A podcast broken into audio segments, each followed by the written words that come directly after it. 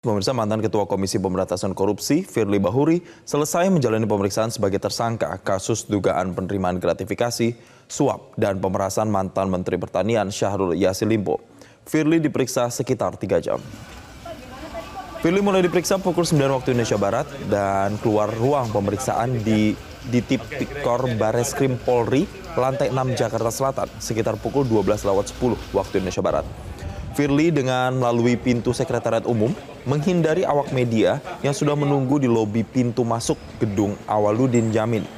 Firly hanya menyebut telah menyampaikan semuanya kepada penyidik. Pemeriksaan hari ini merupakan yang keenam kali untuk melengkapi berkas perkara Firly. Sebelumnya Jaksa Penuntut Umum Kejaksaan Tinggi DKI Jakarta mengembalikan berkas perkara Firly Bahuri kepada Polda Metro Jaya pada 28 Desember 2023 dengan permintaan untuk dilengkapi atau P19.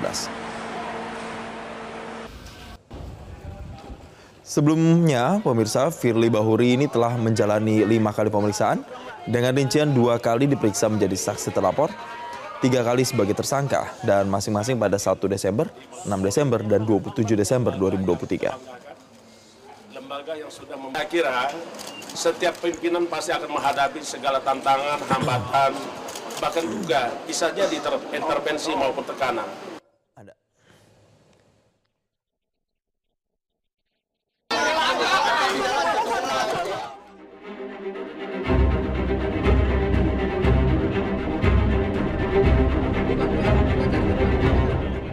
Tersangka dugaan pemerasan dalam penanganan perkara di Kementerian Pertanian yang juga mantan Ketua KPK Firly Bahuri hingga kini tak kunjung ditahan penyidik di Treskrim Sus Polda Metro Jaya. Padahal, Firly sudah beberapa kali diperiksa dalam statusnya sebagai tersangka.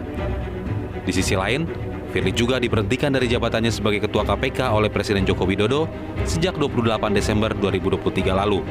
Di sisi lain, Dewan Pengawas KPK juga telah memvonis Firly terbukti melakukan pelanggaran etik berat terkait skandal pertemuan dengan mantan Menteri Pertanian Syahrul Yassin Limpo. Pakar hukum pidana Asep Iwan Iriawan menilai secara yuridis Firly seharusnya sudah ditahan karena alasan penahanan sudah terpenuhi.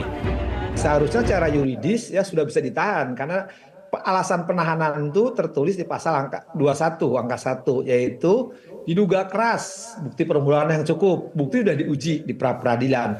Faktanya sudah ada di etis ya eh, dewas itu menyatakan dia bersalah bla bla bla itu. Hmm, hmm, hmm. Artinya alasan penahanan sudah ada, kemudian alasan subjektif 21 ayat 4 ya maupun objektif sudah terpenuhi.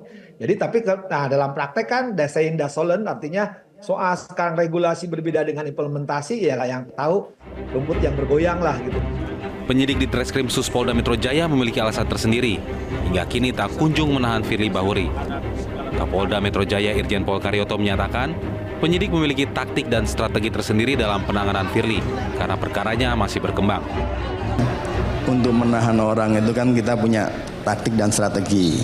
Karena ini kelihatannya perkaranya berkembang kalau berkembang nanti kami tidak mau dikatakan nyicil perkara.